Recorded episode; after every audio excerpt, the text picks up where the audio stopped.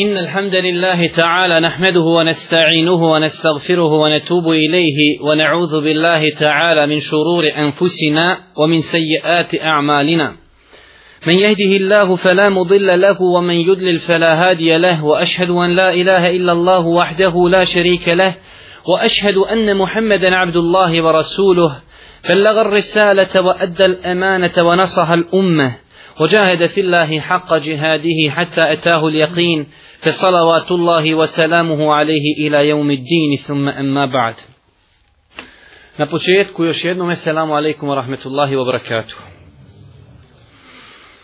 Braću moja draga, za one koji ne znaju, mi smo ove zime odlučili da se družimo sa jednom knjigom, knjigom imama Nevevija rahmetullahi alaihi, 40 hadisa imama Nevevija. Već tri predavanja smo govorili o prvom hadisu, zaista se dijela vrednuju prema namjerama. Jučer, četvrtak, nakon jacije, počeli smo komentarisanje drugog hadisa poznato kao hadis Džibrila alaihi salatu wasalam. Danas ćemo nastaviti sa komentarom tog hadisa, ali pošto vidim da je mnogo onih koji nisu prisustvovali jučer tom predavanju, smatram da je pametno da taj hadis citiramo i da se posjetimo kratko na koristi koje smo jučer spomenuli.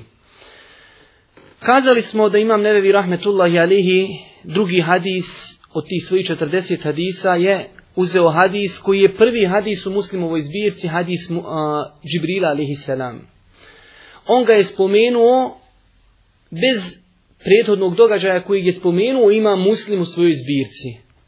Pa ćemo spomenuti taj događaj kratko. Znači, taj događaj prenosi čovjek koji se zove Jahja ibn Ja'mar. Kaže Jahja ibn Ja'mar, prvi koji je bio u Basri, Basra znači u današnjem Iraku, koji je govorio i poricao kader, sudbinu, jeste Ma'bed Džuheni. To je uvod u njegovu priču. Pa kaže, krenuli smo ja i Hamad ibn Abdurrahman el Humeiri, krenuli smo na hađ ili na umru. Pa smo kazali kamo sreći kad bi nekog sreli od Asaba Allahovog poslanika da ga upitamo za one momke i ljude koji negiraju kader. Kaže pa smo, kada smo došli u Medinu, na ulazu u džamiju Božijeg poslanika sreli Abdullaha ibn Omara.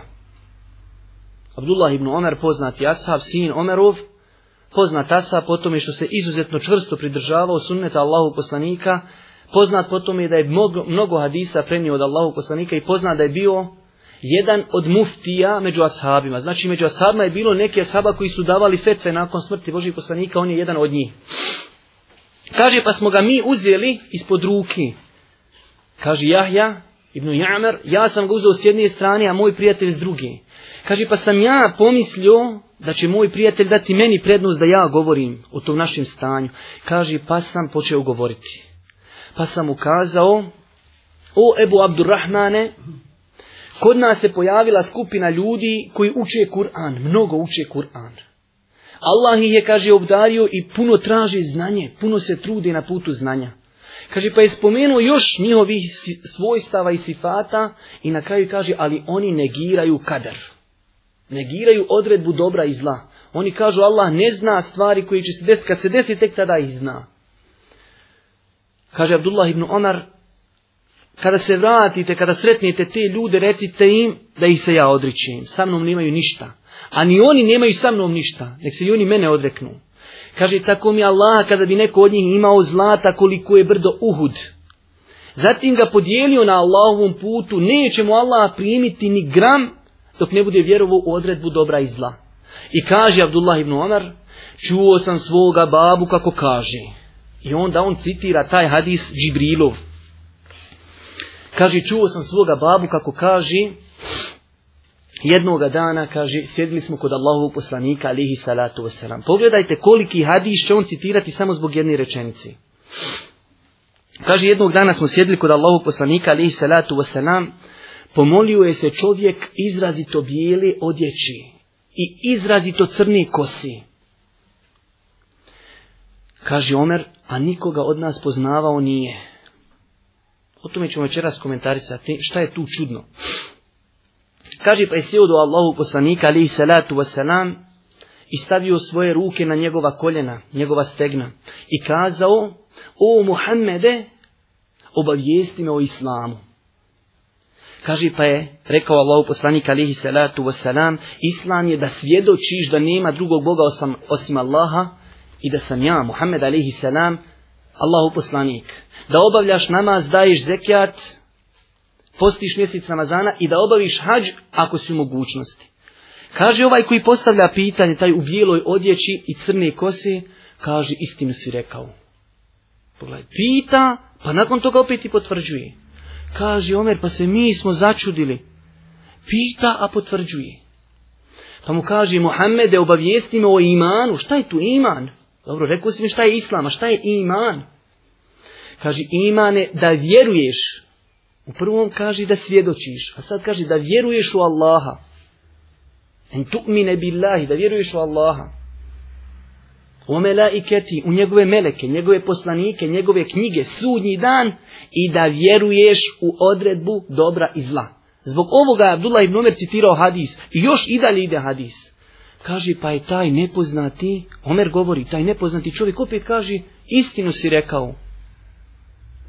Poslanikom potvrđuje da je istinu rekao. Kaže, a obavijesti me o ihsanu, treći stepen, znači ide islam, pa iman, pa ihsan. Kaže, obavijesti me šta je tu ihsan? Kaže, ihsan je da obožavaš Allaha kao da ga vidiš, jer ako ti njega ne vidiš, zaista on tebe vidi. Pa kaže, četvrto pitanje, obavijesti me o sudnjem danu. Kaže Allahu poslanik, upitani, to je znači poslanik, ne zna, kaže, ništa više od onoga koji pita. Ti koji mene pitaš i ja koji si me upitao, mi smo isti, ne znamo ni jedan ni drugi kad će sudnji dan. Kaže, da me obavijesti o njegovim preznacima onda. Pa kaže, enteli del emetu da rodinja rodi svoju gospodaricu. I da vidiš bosonoge, goli, čobane, ovaca, kako se natječu u izgradnji. To su ta dva preznaka koje on spomenuo. Kaže Omer, zatim taj nepoznati čovjek ustade i ode. Ode. Nakon, kaže, nekoliko dana, u jednoj predaji tri dana, pita mene Allahu poslanik alihi salatu wasalam, Omere, znaš li ti ko je bio onaj čovjek? Kaže, Allah i njegov poslanik najbolje znaju. Kaže, to je Džibril, došao je da vas poduči vašoj vjeri. I o tome ćemo večeras govoriti, znači ovaj hadis je kompletna naša vjera. Jer poslanik to je došao je da vas poduči čemu? Vašoj vjeri. Znači ovaj hadis je kompletna vjera Islama. Mi smo kazali sinoć da ovaj hadis nosi u sebi mnoge pouke i poruke. Normalno, smiješno je bilo da sad to sve iz početka ponavljamo u onom kontekstu kako smo sinoć spomenuli, ali samo svaka korist po jedna rečenica ili dvije. Kazali smo prva korist iz ove predaje koju ima muslim spomenuo od ovog jamera, Jahje ibn Jamera, pogledajte kako su oni kada su, kada im se desio problem da je neko u njihovom društvu negirao kader, Kome su se obratili? Onima koji su učeni od njih, ashabima. I tako danas umet tako hoće prosperitet i hoće da vrati ono na čemu su bile prve generacije mora, pitanja, vjere da vrati učenima. Danas, nažalost, jedinu u može govoriti ko šta hoće. Mimo toga ne može. Struja pregori sijalca, kaže, ne smijem ja to promijeniti. Pa što? Pa kaže, će struja ubiti. Ali kada je ovjeri, priča ako da je najveći doktor. A nikad u životu knjige otvorio nije. Nas naša vjera uči da svako priča onome što je njegova struka. Ako si tvoja struka hođa, pričaj o vjeri. Ako je tvoja struka električar, pričaj o struji. I naveli smo jučer dokaze za to, naveli smo hadis Allahog poslanika, vjerodostan, kada jedne prilike čuo glasove, pa kaže šta je to, pa kažu ljudi oprašuju palme. Kaže, kad i ne bi oprašili, bile bi dobre. Pa bi odmah pokojni, odmah ostali nisu više htjeli oprašivati palme. Tije godine, kaže, šuveljive, šugave palme, ništa nema datula, nema nikakvih plodova. Pa kad su rekli Božijem poslaniku, kaže Allahov poslanik, kada su u pitanju dunjalučke stvari, rate kako hoćete. A u Rivajet, kaže, vi bolje znate od mene to. Ali kada su u pitanju vjera i vjerska pitanja, kaže, mene pitajte. Znači, to je jedna velika korist iz ovog predavanja. Također, Vidimo kako je Abdullah ibn Omer nakon što je dao propis naspram ovih ljudi da je kazao ja ih se odričim. Allah njihovo zlato neće primiti kada bi ga bilo ko ud, onda je spomenuo dokaz. Ova naša vjera je zasnovana na dokazima. I oni koji slušaju vjeru trebaju od onih koji pričaju tražiti dokaze, a oni koji pričaju o vjeri trebaju uvijek za sve što spominju da donose argumente. Kako bi našu vjeru, nju Allah čuva. Ali mi kako bi bili razlogom, ako Bog da, da se naša vjera očuva u originalnom obliku i da ne ulazi u nju ono što ljudi misle da je lijepo. Uvjer je lijepo ono što vjera smatra da je lijepo. Također smo kazali jedna velika korist koju možemo uzeti iz ovoga jeste da čovjek minimalno treba da zna veliko pravilo i kada čovjek ne bi znao ništa u životu osim to pravilo, mnogo bi znao treba da zna da je osnova u ibadetima zabrana, a osnova u običajima dozvola. Šta to znači? Osnova je kada ti neko kaže, hajde nešto radi sevapje. Mora zato donijeti validan argument ili hadis ili kuranski ajet.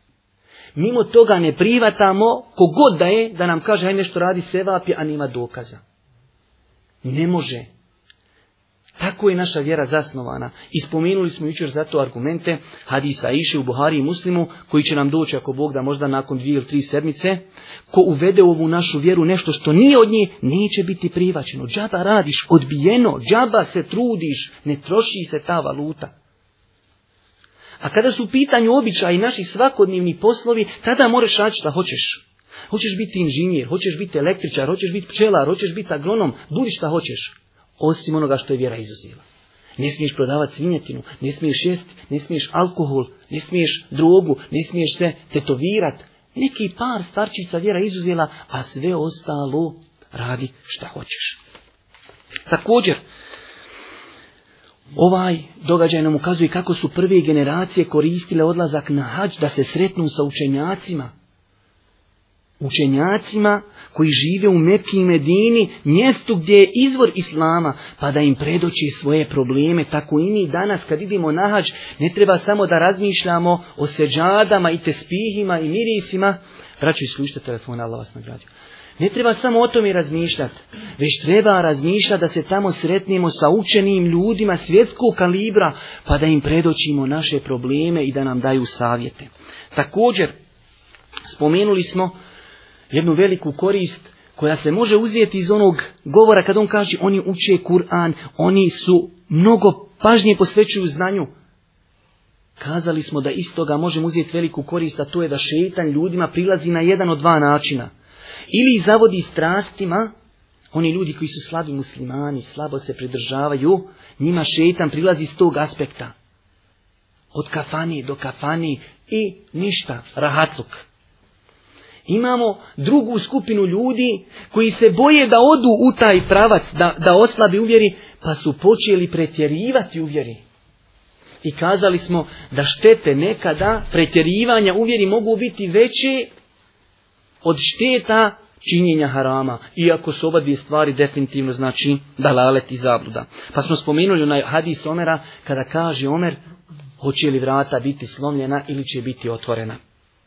Također Kazali smo zadnju stvar koju smo spomenuli od koristi ovog hadisa jeste da greške učenjaka mogu biti katastrofalne po društvo u kojem oni živi. Pa smo kazali kako mi da treba da se obnašamo i ponašamo naspram grešaka učenjaka. Pa smo kazali na početku prvo, nakon Allahu poslanika ne postoji niko ne pogrešiv. Znači, 1400 godina već ovom zemljom ne hodaju nepogrešivi. I kada vam neko kaže, ova insan je neki evlija koji ne griješi, izvinjajemo se, to ne prihvatamo. Jer Boži poslanik nam kaže, kullu beni ademe hatta, svi sinovi Ademovi griješi, svi, nema izuzetka. Ali normalno učenjaci zbog zvog znanja i iluma manje griješi, ali se može desiti da pogriješi. I onda šta je na nama? Ako se već desi da učenjak pogriješi, treba da uradimo sljedeći. Prva stvar, i učenjaku treba ukazati na grešku, pod jedan. Pod dva, učenjaka ne treba slijediti u njegovoj grešci. I sami učenjaci su uvijek govorili, počevši od Ebu Hanife, mama Malika i Šafije i mama Ahmeda, svi su govorili, sve dok naš govor bude u skladu sa sunnetom, slijedite ga, a kada bude i naš govor u suprotnosti sa sunnetom, naš govor, kaže, od Znači ne treba učenjaka slijepiti u grešci. Ako je pogriješio, Allah ga nagradio. On kao mučtehid ima će nagradu. Jer poslanik kaže, mučtehid kada se potrudi da pogodi sevap, ako pogodi ima dva sevapa, zato što se trudio i što je pogodio. A ako promaši, ima sevap zato što je se trudio. Ali ga mi nećemo slijediti. I treća stvar, veoma bitna, ne smijemo zbog greške učenjaka da zaboravimo svo dobro koje je učinio. Ako je pogriješio, kazat ćemo to je greška, a sve ostalo je dobro i da ga Allah nagradi, da ga učvrsti i, i dalje da nastavi rati za Allahu vjeru. To je ono što smo jučer spomenuli. Sad ću ja pogledat na sad da vidimo kad smo noćas Onaj, također od koristi ovog hadisa jeste, vraću moja drage, znači ovaj sad mi hadis komentarišemo. Vidjeli smo kako je došao Džibril alaihi salatu u ovo društvo. Kažu islamski učenjaci u komentaru ovog hadisa, čovjek ako je u društvu učenog, a u društvu još tu ima ljudi i ti znaš da tim ljudima je potrebno nešto odvjeri. Oni to ne znaju, a ti znaš, ali ti ljudi neće od tebe prihvatiti. Tada ćeš ti postaviti tom učenjaku pitanje da bi on to njima pojasnio, a ti ćeš se praviti da i ti ne znaš pa ćeš klimat glavom. Jer viš, Džibril je došao i on je znao šta je islam i šta je iman, ali kaže, gdje mi reci? Pa je Omer to čuo, pa je Omer nama prenio. I zato ti kad sutra vidiš nekog učenjaka, neđe kod kuće su obet neki. A ti im kažeš, de Boga ti nam pojasni ono, mogu li se oni uzimati kredit s kamatom? Ti znaš da ne mogu. Ali ima tu mnogo ljudi koji nikad to nisu čuli. I onda on kaže, Boga mi, neki efendija ili neki tamo softa, Boga mi ne smiju se uzimati krediti s kamatom. I ti si postigut. a da si im ti to rekao, te rekli, ma daj, to nije tvoja struka. Znači, to je jedna velika korist kako iskoristiti učenjaka u društvu. Ko što je Džibril? Džibril kaže na da, istinu si rekao. Znači, on je to znao. Ali želi, na kraju kaže Boži poslanik, došao vam je da vas poduči. On to zna. Znači, korist velika kada si u društvu učenog, pitaj nešto, makar ti to iznao, da bi se drugi okoristili. Jer vidite na kraju, ne kaže Boži poslanik odgovaru, a ne kaže ja sam vas podučio vjeri. Već kaži, Džibril je došao da vas poduči vjeri. Džibril ništa nije, sam Džibril pitanja postavljao. Ali Boži poslanik njemu pripisao podučavanje.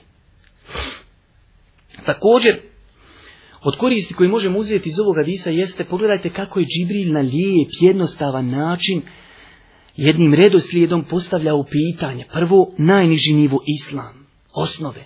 Pa nakon toga iman još malo veći. Pa dalje ihsan, savršenstvo islama.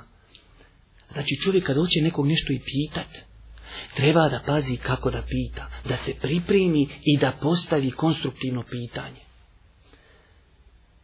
Zato kad su Ibnu Abbasa pitali, kaže Ibnu Abbas, poznato da je on bio mali dječak kada je Boži poslanik preselio. I on je za kratko vrijeme hodao oko Asaba i uvijek pitao o propisima vjeri. Do te mjeri da ga je Omer radi Allahu talanu stavio u svoje konsultovano vijeće da daje savjete Omeru, kada je bio halifa. Pa su pitali Ibnu Abbasa, kojeg su prozvali Turđuman, kur, Turđumanul Kur'an, prevodio od Kur'ana, toliko je dobro poznavao Kur'an i tefsir i tumačenje Kur'ana da su ga prezvali prevodio od Kur'ana. Što god ti nejasno, on ti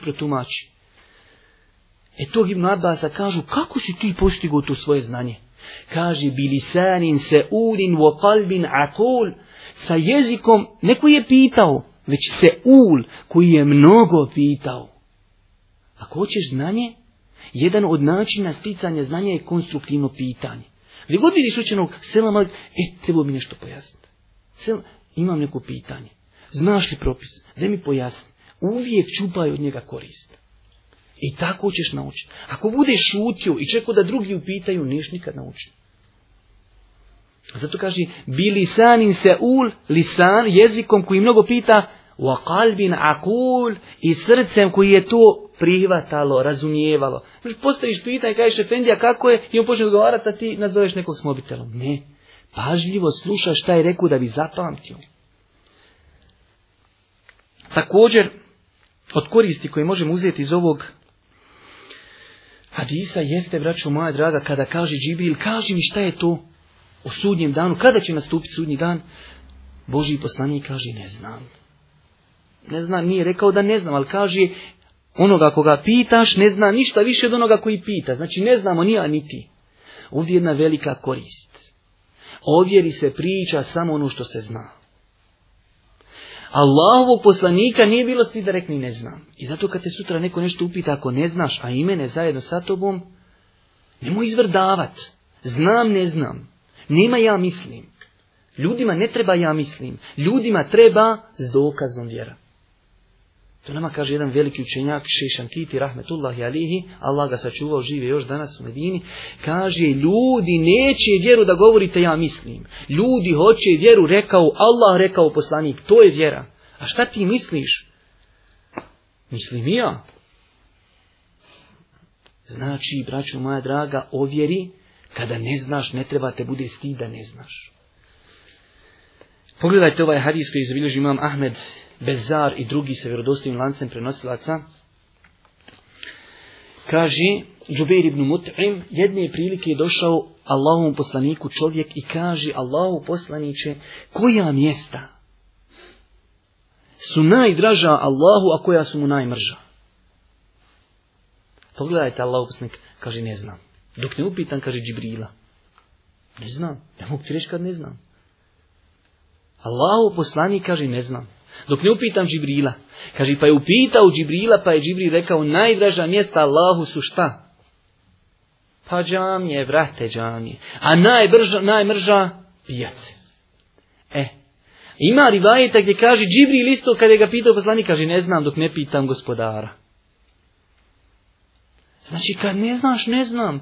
I to nije sramota i to je pokazatelj tvog znanja. Ako sve znaš, e, to je dokaz da ne znaš. Jer onaj ko sve zna, malik, ima malik čovjek iz Endulusa dolazi. Iz Španije, prvo moru prijeći preko mora, pa onda došao u Medinu. I donio u kameru nekih četrdesetak pitanja, ljudi mu napisali sad će pitat Malka. Malka govori na tri, četiri. Kaže, ne znam dalje. Pa kaže, šta ću ja, kaže, on ljudi me poslali. Kaže, reci, Malik ne zna. Pa on kaže, poslali me. Ma ne znam, robe Boži i bolan, šta hoće, da ti govorim bez znanja? Ne znam. Kaže, hoćeš da odim sad na pijacu i da reknem svima da ja to ne znam. Mene to nije stid, ne znam. Pitaj nekog drugog, ja ne znam. I ne treba čovjeka da bude stid. I to je pokazatelj čovjekovog znanja da se boji pričati, to vjeri ono što ne zna. Kod nas ljudi sve pričaju. Ma kaže, vidi ovoga, ovaj ispravan, ovaj neispravan, ovaj vak, pa otkud ti to zna? Nima spor, nije sporno ti pričaš, ovdje rekao, znaš. Inne sem'a wal besara wal fuad, kullu ulajke kan anhu mes'ula. Oči, sluh, uši, jezik, srce, sve će to biti pitano ljudi. Svaku riječ koju si rekao na sudnjem danu, bit ćeš pitan. تقولوا على الله ما لا Kada Allah Đelšan nabroji velike grijehe, kaže da govorite o Allahu ono što ne znate. Ne treba ti veći grijeh. Govoriš o vjeri ono što ne znaš. Znači nema pričat i nije sramota, suprotno to mi to je pokazatelj čovjekovog znanja i iluma i bogobojaznost da rekli ne znam. Vidjet ćemo, pročitat ćemo, tražit ćemo, pitat ćemo, pitaj nekog drugog. Ali ja ne znam. Također, u istim ovim riječima, kada kaže Boži poslanik, on njega pita o sudnjem danu. Šta je sudnji dan? Budućnost naša. Boži poslanik negira da zna budućnost. Ova korist, braćo moja draga, je potrebna današnjem umetu. Da ljudi shvate da ne zna gajb niko osim Allah te barka ta'ala. I nažalost, velik broj muslimana, neću da govorim u procentu, ne zna ovo načelo, veliko načelo, da ne zna gajb niko osim Allah Đelešanu. I to ljude košta i dunjalučki i ahiretski. Kako dunjalučki? On ne zna da ne zna niko gajb osim Allah. Pa on konta tam neki sihriba što zapisuje i gleda u kašike i finđane i ostale horoskope. Konta da zna gajb. I ode i kaže da vidi šta će se meni sutra desiti. I on mu nešto tamo slaže normalno i naplati mu hiljad maraka. Znači dunjalučki na stradu. A ahiretski još gori. Jer gajb ne zna niko osim Allah. I Allahu poslanik alihi salatu wasalam je strogo, strogo, strogo zabranio odlazak kod oni koji pripovjedaju i gataju, koji govori o budućnosti. Kaže Allahu poslanik alejhi salatu vesselam u hadisku iz bilježi imam Abu Davud Tirmizija sa vjerodostojnim lancem prenosilaca men eta arrafen au kahinen saddaqahu bima yaqul faqad kafara bima unzila ala Muhammed ko ode kod vračara, kod gatara i povjeruje ono što je rekao kaže ta je nevjernik u ono što je objavljeno Muhammedu hem ode hiljadarka iz džepa Hem ti pod velikim upitnikom. Samo što ne znaš jedno načelo u vjeri. A to je ne zna gajb nikosim Allah. Počne čovjek pričati, ja znam što će biti sutra. Prekriži ga slobodno. Taj čovjek ima nešto neispravno kod sebe. Jel ti počne pričati, ja znam. Završena stvar. Ali to su lopovi. Kako bi oni ljude ubijedili da znaju budućnost? Prvo mu dođe njegov pomoćnik šeitan, pa mu kaže šta se tebi jučer desilo. Pa on tebi kad ti dođeš njemu, on ti kaže, jel da jeste jučer dijete nastradalo, ti, o, vidiš, dok on zna prošlost, pa on kad počne goti budućnost, ti onda gotovo, dok zna prošlost, zna i budućnost. A budućnost ne zna sigurno. Ali te ufatio na caku. A ti siroma kontaš vidi, on Bogam kako zna. Ti dok ti na vrata uđeš, kaže, treseli se.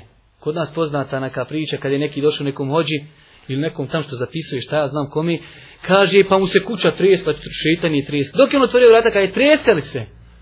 O, kaže, vidi ovaj već zna, nijemo ja šta priču. Kaže trese, brate, ja šta već trese, neće veli više.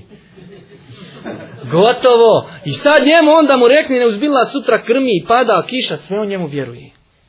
A došli mu njegovi pomagači i rekli mu, doće ti taj mujo, trese mu se kuća, sam reći, tresel se i dovoljno Znači gajb, gajb, budućnost ne zna niko. Kašike, horoskopi, grah, filđani i sve ostale budalešćine, braćo moja draga, to je opasno. Vidite šta kaže Boži poslanik. Ta je uz nevjerovu ono što je meni objavljeno. Ne treba ti veći musibet nego da uznevjeruješ ono što je Božijem poslaniku objavljeno. I zato kažem, to je temeljno načelo potrebno umetu. Temeljno načelo potrebno ovom ummetu. To su neke koristi koje nosi u sebi ova predaja koju zabilježim imam muslim sa ovim događajem. Sad ćemo mi ako Bog da polako početi ovaj hadis iz početka komentarisati. Samo znači od onih riječi kada je došao Džibril alaihi salatu wasalam kod Allahu poslanika. Prije toga običaj je da spominjemo koliko mjesto određeni hadis zauzima u vjeri i njegovu važnost. Kazali smo kada smo govorili o hadisu innemel a'malu bin nijad, zaista se djela vrednuju prema namjerama, da su neki kazali da je to polovina vjeri. Toliko bitan hadis. A pogledajte za ovaj hadis u kojem je na kraju Allahu poslanik rekao došao vam je Džibril da vas poduči vjeri. Znači zaokružuje čitav islamu tu izjavu i taj hadis. Kaže, imam kurtu bi, kao što to od njega prenosi Hafiz ibn Hajar u Fethul Bariju, ovaj hadis zaslužuje da mu se kaže izvor sunneta. Zbog svega što sadrži u sebi. Izvor sunneta. Ovdje ovaj izraz ummu sunne. Oni koji malo poznaju arapski znaju da Fatiha ima više imena. tul kitab, seb'u methani, umul kitab, tako različita imena. Jedno od imena Fatihi jeste umul kitab kao majka knjigi, bukvalno prevedeno, ali znači malo prilagođen prijevod, srž knjige. Znači Fatiha, braćo moja draga, sadrži sve ono što se u Kur'anu ima. Zato se Fatiha i toliko puta ponavlja dnevno. Ali nama niko nije kriv što mi ne razumijemo, pa ne znamo šta to znači. Mi znamo komentar svega toga. Ali Fatihu znat, ako Bog da, to je ono što ti je potrebno. E kažu učenjaci, od jedan od njih je Imam Kurtubi, a drugi učenjak Daqiq, e, Ibn Daqiq el aid jedan poznati veliki učenjak, on kaže ovaj hadis je na stepenu majke sunneta, izvora sunneta, znači kao što kaže je Fatiha, srž i majka Kur'ana. Znači kako god Fatiha obuhvata našu vjeru, e tako i ovaj hadis obuhvata čitavu našu vjeru. I zato kažem, Čak neki učenjaci, vjerujte da sam nalazio te podatke gdje kažu ovaj hadis je jedino moguće prokomentarisat, ali potpuno kaže da pojasniš ljudima u vjeru. Ako prokomentarišeš hadis potpuno, onda si ljudima pojasnio svu vjeru. Zato ima, znači ja sam vam govorio o podatke, jedan od učenjaka veliki današnjice u Egiptu komentariše ovaj hadis i tek je došao do pola, već je održao oko 90 i više predavanja, a svako predavanje traje po sat vremena. I tek je došlo do pola. Znači ovaj hadis, ako čovjek hoće da ga tumači detaljno, može ga tumačiti godinama. Zato što je to kompletan islam sa imanom, sa islamom, sa ihsanom, sa sudnjim danem, sa, sa svime. Zato ćemo mi normalno morati skratiti jer nemoguće je da komentarišimo sve. Vidite ovdje kaže Omer Bejnema nahnu džulusun, kada smo mi sjedili sa poslanikom, došao je taj čovjek. Islamski učenjaci kažu na osnovu drugih rivajeta, znači ovo je samo rivajet muslima, ovaj hadis ima drugih rivajeta, kaže se da je to bilo u džami Božijeg poslanika i da je Allah poslanik imao posebno mjesto gdje je sjedio. Oni su sjedili oko njega, jer u početku se znalo gdje Božji poslanik sjedi na zemlji sa svojima sahabima i dođe neki beduin, i kaže, jukum Muhammed, koji je među vama Muhammed? On se nije uopće razlikovao odjećom, ponašanjem, znači bio je koji ostali ljudi. Pa su onda, da bi izbjegli ta pitanja neugodna, izvisili malo jedno mjesto, kao danas svi predavači kada drži neko predavanje, znači da se zna da je to poslanik, alihi salatu wasalam, znači kada neko prilazi u društvo da zna da je to poslanik. Također u vjerodostojnim predajama, koja nije zabiljena kod muslima, stoji da je Džibril kada je došao nazvao selam poslaniku alihi salatu wasalam. Znači, ashabi sjedi kod poslanika alihi salatu wasalam i dolazi im čovjek. Pazite sad ovog opisa Omerovog, kako je to precizan i pametan opis. Kaže, dolazi nam čovjek crni kosi, dijeli odjeći. A nikoga od nas ne zna. I to je čudno Omeru bilo, jer kaže, Crna odjeća i bijela kosa to pokazuje da je čovjek Znači tu stanovnik da ne putuje, jer prije kad se putuje na devi, puše, puše vjetar, prašina, dođiš prašnjav, čupav, nikakav. Kaže on lijep, čist, počešljan, crna kosa, bijela odjeća. To znači da bi trebao da bude iz Medini. A nikoga, kaže, ne zna. Čudno. Kaže, pa je sjeo kod Allahovu poslanika, alihi salatu wasalam, Pogledajte ovdje jedne interesantne stvari. Kaže, Omer nikoga od nas nije poznavao. Omer prenosi hadis, ali kaže, sad evo zamislite nas ovdje, koliko nas već ima, i uđe neko.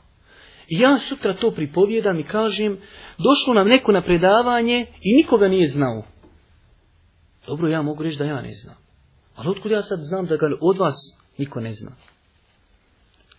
Kako je Omer znao da ga ljudi ne znaju? Interesantno, jel da? Mi nismo to ni razmišljali. Kaže, ima vjerodostojna predaja, kaže, kada se on pomolio, kaže, a sahabi su se, kaže, pogledali i svi su pogledom odobreno ono rekli, ko li je ovaj? I na osnovu toga Omer kaže, nikoga od nas nije znao. Znači, u osnovi ne možeš reći nikoga od nas nije znao, možda znao neko, možda nečiji rođak, nečiji prijatelj, neki komšija, ali kaže, sahabi su se međusobno pogledali i svi su potvrdili, ne znamo ko je. Vidimo ovdje u ovom hadisu, znači ta osoba je ko? Džibril alaihi salatu wasalam, ali je došao u ljudskom obliku. Zašto je došao u ljudskom obliku?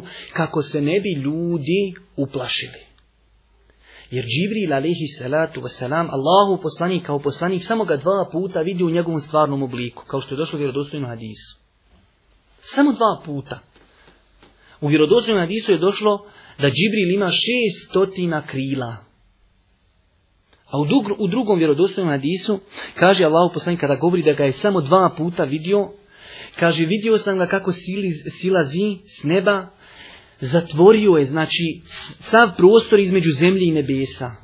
Toliko je bio velik sa svojim krilima da je kaže čitav horizont zatvorio. Ništa više se nebo ne vidio, zemlja i nebo ništa se ne vidi, znači koliki je Džibril bio. Zato je Džibril došao u ljudskom obliku kako se ljudi ne bi uplašili od njega. Također ima vjerodostojna predaja da ni poslanik čak u tom prvom momentu nije znao da je to Džibril. Inače, Boži poslanik kada mu je Džibril dolazio, prepoznao bi ga. Ali taj moment kada je došao i pitanja postavljao čak, interesantno su vam što znači lema, Šim Femin navodi korist kada je on rekao, Boži poslanik kaže, ja Mohamed, kaže, on je tu koristio takozvanu tevriju. Tevrija je znači dvosmislen govor.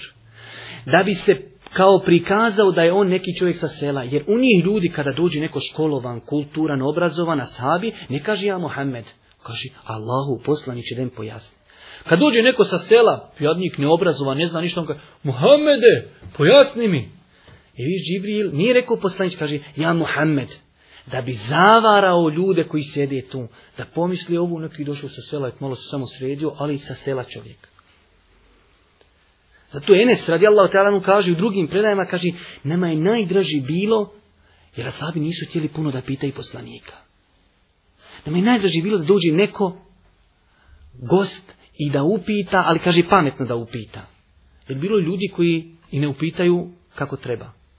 A i kaže, divili smo se onima koji dođu i postavili lijepo pitanje. Pa navodim tamo primjere kada su dolazili neki asabi koji su postavili interesantno pitanje.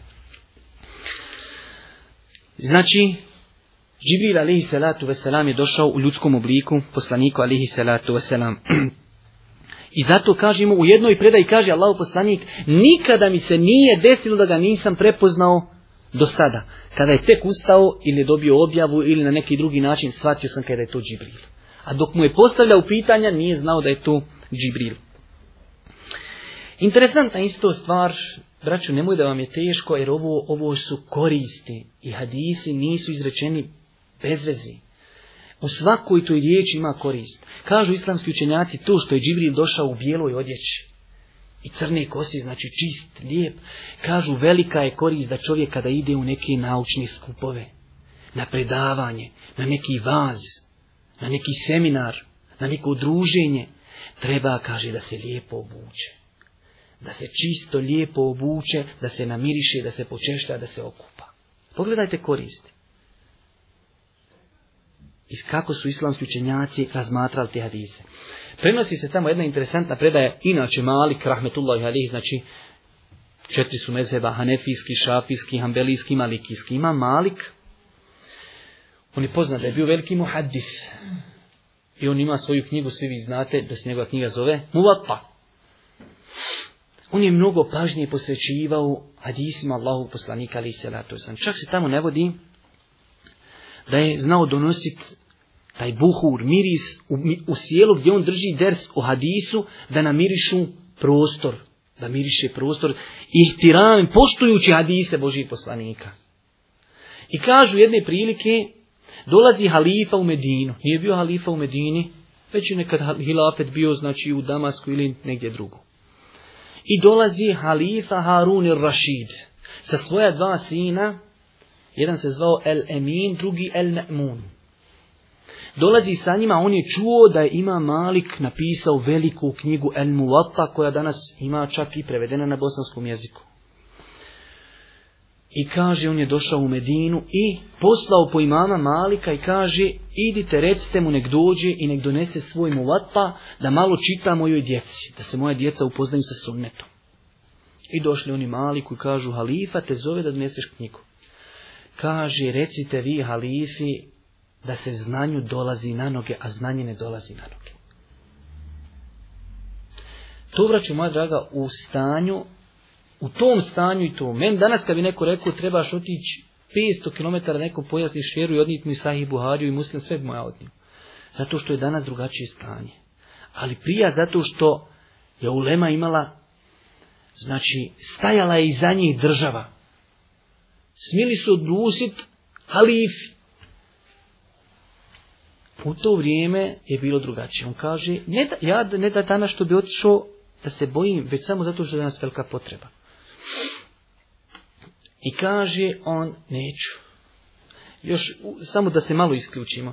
Jedne prilike kaže halifa, ne znamo kojim halifi, tavaf je oko čabi i došao da dirne hađaru lesve, nije niko sklon, gužva, guraj se halifa, kako si drugi narod gura. ga ne perma Kaže, kada jednom ljudi se raširuju, kaže, ide, kaže, jedan čovjek, kaže, nako, nikakav, siromašan i troljavi, i pravo tam do hađaru lesveda da fino dodirno, poljubio, šta je uradio i nastavio. Pa veli halifa, šta sam ja u ovoj državi ovdje, kome se sklonjaju osim meni, mene niko ne ferma. I onda mu kaže taj pjesnik, a to je bio potomak Božijeg poslanika od Fatime, njen unuk. Hada ibn Fatimetin in kunte teđheluhu bi džeddihi enbija'u Allahi kad hutimu, ma kale la qattun illa fi tešehudihi, lau la tešehude le kane la uhunamu. E kaže, vidiš li ovoga? E to ti je potomak naših poslanika, sin Fatimin kaže on nikad u životu nije rekao nema, ne može, osim na tešehudu. Kad kaže la ilahi, nema Boga osim Allah, tada jedino kaže nema. Kad god što tako zaišće, evo, evo, evo. On kaže jedino zna reći nema na tešehudu, nema Boga osim Allaha. Mimo toga u njega nema riječi nema. I kaže kad ne bi bilo tešehuda, on bi tu riječ izbacio, izgovorio, uvijek bi bilo ima. E zato njemu se rasplonjaju halifa, guraj se s narodom. Kad dođeš na red ljubi E, tu Maliku Dolazi halifa i on kaže, izvinjajem se, dođite mojoj kući. I halifa u to vrijeme, znajući cijenit ilm i znanje, svoju djecu i hajmo Malikovoj kući. I sad on došao pred kuću i kuc, kuc, kuc, izašla sluškinja, šta ste trebali? Trebali smo i mama Malika. I ona ušla u kuću i čekaj pred vratima i čekaj, i čekaj, i čekaj, i čekaj. Sadlo halif čekat kad izlazi ima Malik. On će ti njemu odmah ni pet ni šest, kaži, pa šta je to, brate? Hem ja te pozvu, nećeš da mi dođeš. Hem ja ti došao pred vrata, ovdje otkad ikad čekam. Kaži prvo, halifa, treba da znaš, ja da stojim pred tvojim vratima, to je meni poniženje. A ti da stojiš pred mojim vratima, to treba tebi da bude počast. Ne smetaći to što fali. To je, kaže, prvo. A drugo, ja sam čuo da si ti došao, kaže. I zbog vas smo citirali ovu priču. A ja znam, kaže, da ti nemaš kod mene nikakvu potrebu dunjalučku. Ja nemam dunjaluka, ti ga imaš, Bog te iskušao sa tim da imaš dunjaluka. Ja znam da si ti došao zbog znanja i zbog hadisa Božih poslanika. Kaže, pa sam otišao u kupus Kad sam čuo da si ti došao, ja sam ošao okupu se, obuku, novu, čistu odjeću, namirisao se. Kad ti dojiš, kretniš da mi citira hadise, da sam ja lijep, čist, namirisan zbog hadisa, ne zbog tebe, vek poštujući hadisa Allahu poslanika, ali i salatu wasalam. Zato ta ima Malik, kada je počeo pisati u svoju knjigu Muvata, tada u to vrijeme bila neka, eto, hajde nazovemo, Interesantno je bilo pisati knjige muvata. I svi su pisali knjige muvata? I kad je on pošao pisati, kažu, što bolam piš, pa toliko ljudi piše muvata, muvata, vata Kaže, ma kane lillahi hu bak, Ono što bude ima Allah, to će ostati. I danas nema ni jedan muvata da ima osim imamu Malkov. Nema, ni jedan. Sve je izgubljeno. Sa Malikovostu. Kažu mu, nemo, što pišeš, bolan, ima toliko ljudi, pišu mu vata. Kaže, što bude u ime Allaha, to će ostati.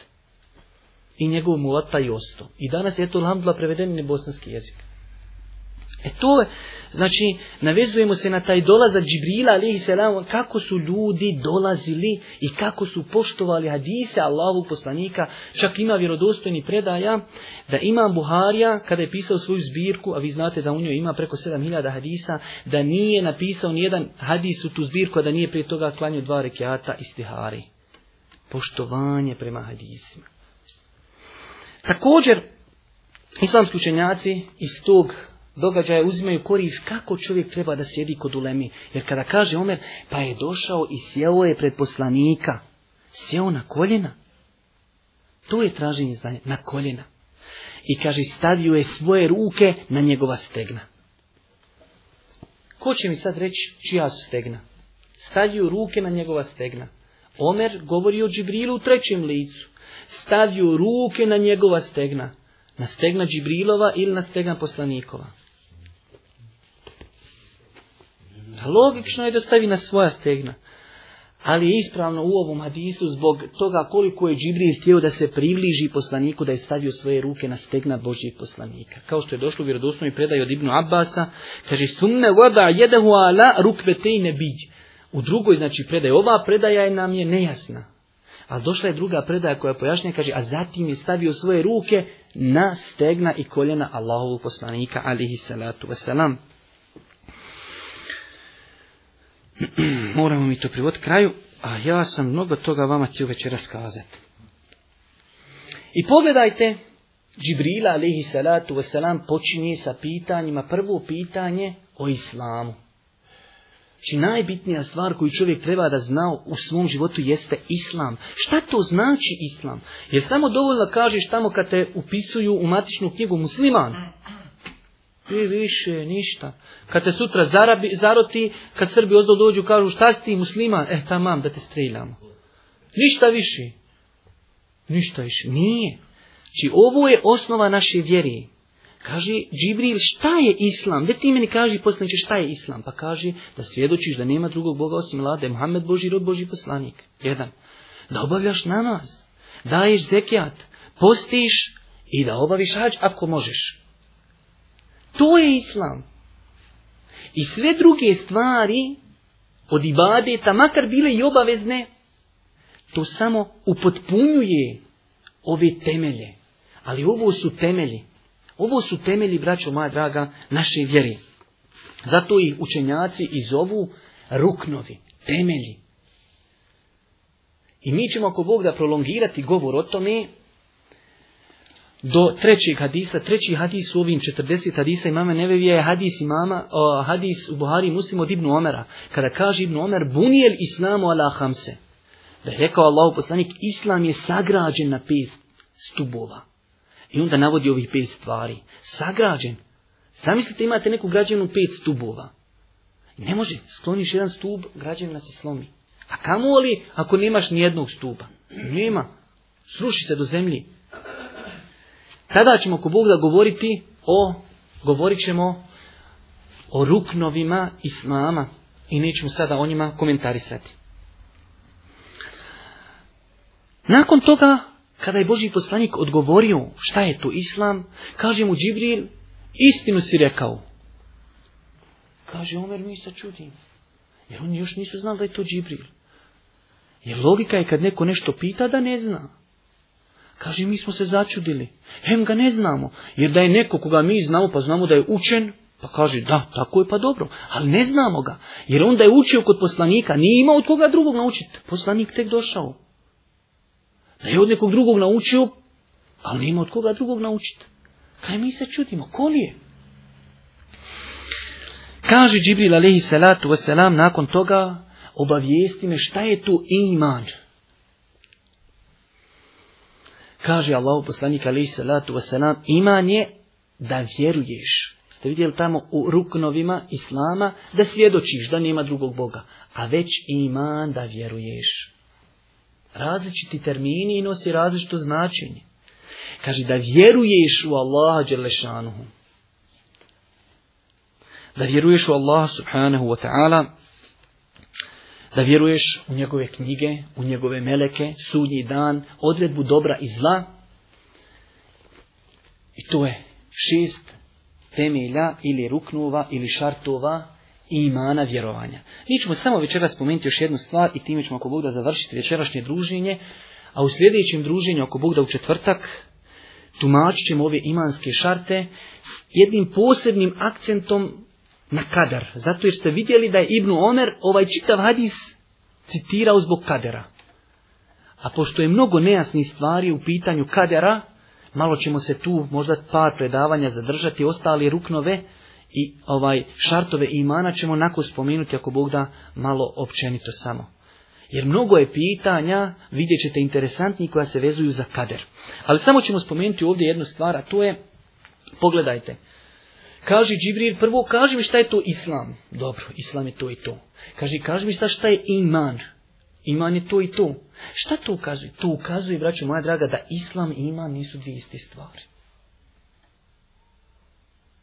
Islamski učenjaci su o tome govorili i pisali mnogo toga, pa su postavili na kraju jedno veliko pravilo, a sada, da ja ne bi vas tušio, na osnovu toga se, vraću moja draga, ovaj, mnoga pitanja granaju. Pa kažu islamski učenjaci, iman i islam, kada se spominju zasebno, znači pričamo nešto o imanu, uvijek onda podrazumijevamo i islam. Ako samo jedno jednoj stvari, ili ako pričamo o islamu, onda sam, znači to opet obuhvata iman. Znači ta dva termina, ako se o njima znači, po na osob govori, obuhvataju i drugi termin. Ali ako dođe u jednom kontekstu da govoriš o imanu i islamu zajedno, ko u ovom hadisu, onda svaki termin ima svoje značenje. Tada islam se odnosi na stvari koje se vezuju za vanjštinu. Jer pogledajte šta mu odgovara. Da svjedočiš jezikom, da namaz obavljaš tijelom, zekija daješ pare, postiš, hađ, sve su to stvari koje se vide. A kad ga je pitao o imanu, šta mu kaže? Da vjeruješ, da vjeruješ, da vjeruješ, da vjeruješ, sve unutarnji. I ta podjela, onaj, tu je inšala ispravno shvatanje imana i islama. Naprimjer, možete to naći isto u, u kuranskom ajetu u suri Al-Huđura 14. ajet. Kaže, Haletil arabu amena kullem tu'minu, walakin kulu eslemna. Kaže neki beduini, tek prihvatili islam, pa govori Allah Đelešanu o njima. Kaže, Arapi govori, beduini govori, mi smo mu'mini. Vjerujemo. Kaže, ne, vi niste mu'mini, vi ne Ali recite, mi smo islam primili. I negira Allah Đelešanu da su ta dva termina ista. Razlika je reći ja sam mu'min, želeći time da si dostigao vrhunac islama i razlika je reći ja sam musliman. Kaže, walakin kulu eslemna. imanu fi A još, kaže, pravi iman nije ušao u vaša srca. Ibn Kesir kaže, rahmetullahi alihi, ispravno da ovi beduini nisu bili munafici.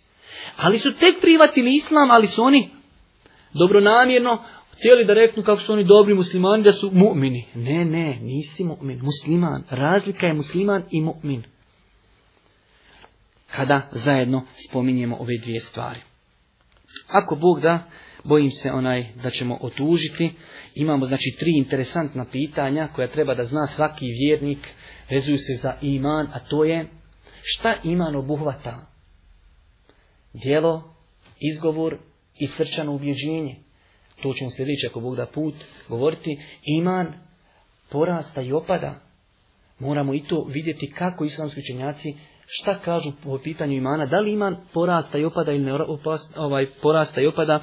I imamo treće pitanje, da li je dozvoljeno praviti izuzetak u iman, da kažeš ja sam mu'min, inša Da ne smiješ tvrditi sigurno. Znači, o tome ćemo da sljedeći put govoriti i nastavit ćemo tumašiti sljedeći ovaj, imanske šarte, a rekli smo sa posebnim akcentom na vjerovanje u kader. Allah Želešanu da vas nagradi na vašoj pažnji.